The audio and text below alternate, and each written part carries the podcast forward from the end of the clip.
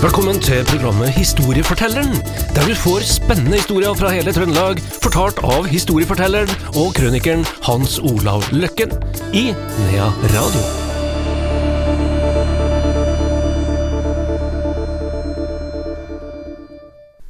Historiefortelleren i dag eh, handler om en eh, ja, etter hvert blind børsemaker. Eh, en fantastisk mann.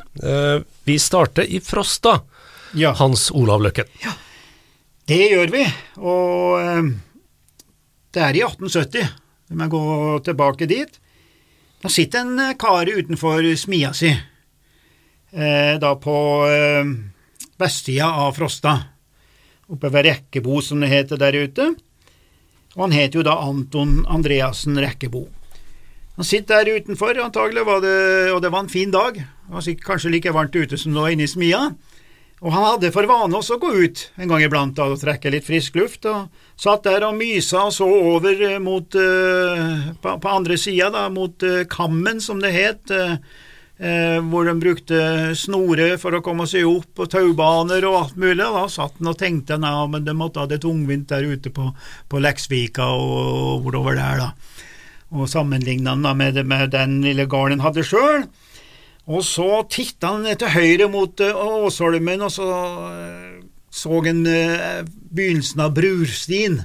Det er en plass der ute som heter Brurstien, og det er en glimrende historie, og det er en sann historie om ei brur som flykta da. Så for å skulle bli gifta til den og ikke ville, etc., etc. Jeg har gått den der Brurstien, jeg brukte jo en hel dag på det, da, men det var en fantastisk fin tur. Og han sitter der og da ser på den der eh, begynnelsen av brødstien, og så tenker han som søren, nei, nå, nå må jeg få gjort noe, jeg er 28 år, jeg er ø, fortsatt ungkar. Men jeg hadde ikke lyst til å bli tvangsgifta, han heller, så nei.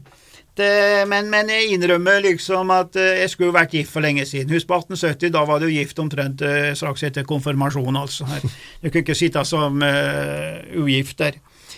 Og eh, så hadde han også tenkt på å dra nordover. Han eh, sa da liksom i bisetning Men nå må jeg se jeg kommer meg nordover. Og der begynner på mange måter historia. Og jeg nevnte jo ordet Rekkebo. Dette er da samme familien som eh, de her Rekkebo-folkene som var så kolossale til løpet, vet du. Det var jo en som drev og løp til Oslo og sånn en, Ja, vi husker han. husker han, han eh, det gikk jo ikke særlig bra til slutt, da. Her, men eh, de var, og de er det, da ganske kjent for, eh, for sine idrettsprestasjoner. Så har jeg da en fyr ute på Frosta da, som jeg samarbeidet med i mange, mange år, da Kolbjørn Viktil fra Viktilgårdene. Det høres ut som det er fra vikingtida, ikke sant? Kolbein Viktil, det er sterkt navn, gutt. Det er ikke med det sterkt navn. Og han begynte å prate om at eh, det var en frosting som hadde dratt nordover, og som visstnok eh, var involvert i eh, noe utvikling av noe våpen og noe sånt, da. Og han her fyren her, han, han som drev utenfor smia si den dagen her, da, han drev og eksperimenterte med våpen. Han prøvde å lage noe nytt, eh, nyskapninger. Han, eh, det, det skulle bli fremtiden, altså. At han lå liksom litt foran og fiffa på ting som andre har laga, og, og det ble enda bedre. Og eh, eh, det her ryktet da, som en Kolbein Det sånn liggende i mange år for meg, da. Jeg gjorde ikke noe med det. og så var det en annen dag han begynte å prate om Nei, han skulle snakke med en Asbjørn Brenne. Det er svogeren hans. Da gift med søstera til en eh, Kolbein, da. Og Asbjørn Brenne han har jobba i Selbu, han har jobba på Frosta og kjent, Og Tydal. og Tydal. Og Tydal. Og jeger, vet du, og interessert i jakt og våpen og alt sammen. Da. Og så har han jo flytta så han bor omtrent i sentrum på Stjørdal, da. Og så han måtte jeg prate litt med, da, vet du, for nå begynte det å bli litt eh, mer interessant. og Asbjørn han kjente jo da en som het Ola Hårstad da, i Selbu, og han Ola Hårstad kjenner jo jeg òg, jeg har kjent han i mange år. Og det liksom falt på plass at det var en Ola som hadde liksom eh, drevet og, og spora opp det her. Og en Ola Hårstad er ikke noe hvem som helst, skjønner du, for han er vel kanskje eh, den fremste eksperten på kvernstein og, og, og, og skogsdrift og naturmenneske, og det heter seg jo med en Ola Hårstad at når han eh, prater, så lytter du. Så enkelt er det. En eh, jordnær kar som er veldig interessert i historie. Og i og med at de kjente den fra før av, da, med, med og vært og prata med den før, og, og, sånn, så ble det enkelt for meg å, å, å, å dra dit. Og snakke med han, da, og eller rettere sagt Han kom, og vi dro til Frosta. Til Drekkebo-familien, som er direkte det samme familien, og på samme gården som innledninga eh, fant sted her nå, da. Så vi dro dit, alle sammen. Brennum, Ole Horstad, Kolbein og søstera og hele pakka. Og vi gikk nå der smia sto, da. Sto der og trampa, hadde med spade og alt mulig. Og får på en måte da litt mer kjøtt på beinet. Og det viser seg at han herre Anton, han drar til Tromsø tar seg jobb eh, hos en børsemager, Tande, og han overtar den bedriften.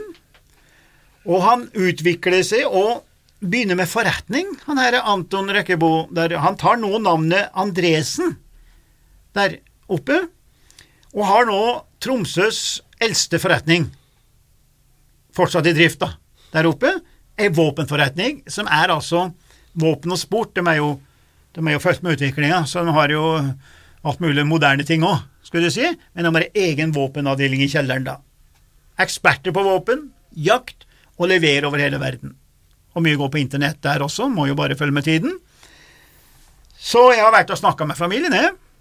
Dro dit i ens ærend for å gjøre det. Og det var jo til slutt jeg som måtte fortelle om historia til familien, da. For eh, jeg begynte jo å prate om den Ola har begynt å prate om. Han eh, snakka om at, eh, at han her er Anton der, og den forretninga oppe i Tromsø, som da på en måte kom på rett tid i forbindelse med hvalfangst, ishavsjakt, ekspedisjoner, ikke sant. Tromsø ble på en måte startpunkt for utrolig mye.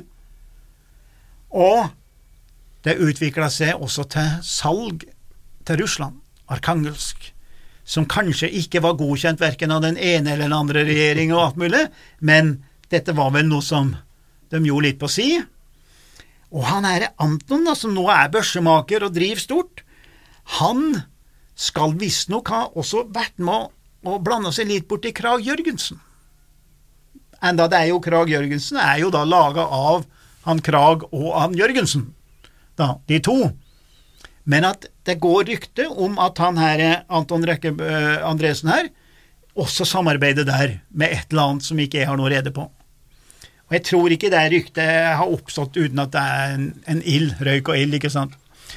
Så det er noe der som gjorde at dette er en interessant ting. For Krag Jørgensen er en interessant ting. Det er jo en av de mest uh, produserte ting som Norge har drevet med, da her. Og uh, han Jørgensen der, uh, fra med Drammen og sånn, han går jo i samarbeid med, med, med, en Krag. Jørgensen han dør jo, den får vel et slag, og så drukner han, etter som jeg forstår, der, og sånn, mens han Krag, da, han er gudbrandsdøl. Eh, kommer opprinnelig fra Vågå, han gikk for militærkarriere. Og sånn, da var den første i Norge som sprengte med nitroglyserin og det var, det, var, det var, folk som uh, lå litt foran de her. Og de produserte altså Krag Jørgensen, som var på verdensutstillinga i Chicago. De solgte veldig mye Danmark, og til USA, vi snakker om hundretusener ikke med våpen som ble solgt. Og, de, og det utvikla seg ikke bare til et, et, et, et, våpen for krig, sånn, men det ble jo faktisk talt det mest brukte konkurransevåpen i Norge i landsskytterstevnene og alt, ikke sant, var Krag Jørgensen, og det holdt seg helt fram til omkring 1990, da overtok jo eh, Sauer. Da, da, da, kom det jo en nyskapning igjen, da, her. Så i dag så er det vel ingen som bruker Krag Jørgensen eh, noe særlig, i hvert fall ikke på landsskytterstevne, da. Eh, og, og den her, eh, her eh, fyren, da, Anton der, som dro nordover i 1870, da, han eh, overlot jo forretninga, og den han nå vedvart, og vedvarer på femte generasjon, med hun Julie, da, som jeg fikk møte der oppe, og som de visste vel kanskje ikke så veldig mye om det her. Og øh, de hadde hørt at de kanskje kom, jeg sier kanskje, kom fra Frosta, Og så kommer det en raring fra Stjørdal og forteller dem at jo da, dere kommer fra Frosta, og det skjedde sånn og sånn og sånn og sånn.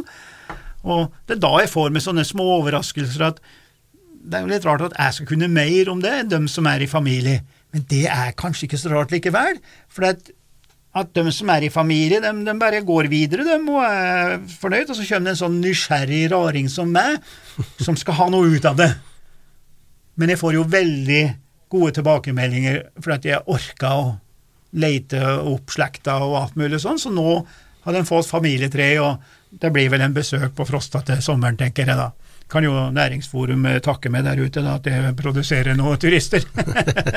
her. Men så var det, for å avslutte, med, med, med han herre Anton, da, som er altså involvert, mening antagelig i Krag Jørgensen-systemet, han er altså antagelig kanskje involvert i en sånn uh, bob-bob-handel med, med, med, Arkangelsk osv. osv. Men han hadde Han fikk et enormt bra ettermæle. Han uh, funnet noen sånn minneord, nekrolog, da, som det heter der, og der skrytes det så av en, for han var en sånn menneske som så lykke i arbeid, det å drive med ting og utforske ting det, det, det, Businessen og sånn, det var liksom Noen andre fått ta seg av det, for han likte å være i uh, der han andre smia-folket mm. var. Nå var han i et moderne børseverksted, da, kan du si. Og de skriver helt til slutt da, om, om, at han var en sånn arbeidets ridder. Han var altså et eksempel for alle andre. Og om han gjelder fullt ut den engelske dikters ord om krigeren, det er ham enhver mann i våpen skulle ønske å ligne, altså i overført betydning. Det er han vi kan gjerne følge i krigen. Det er et godt ettermæle, det, Andreas. Det var det. Det var en uh, Anton fra Frosta, børsemakeren. Takk skal du ha, Hans Olav Løkken.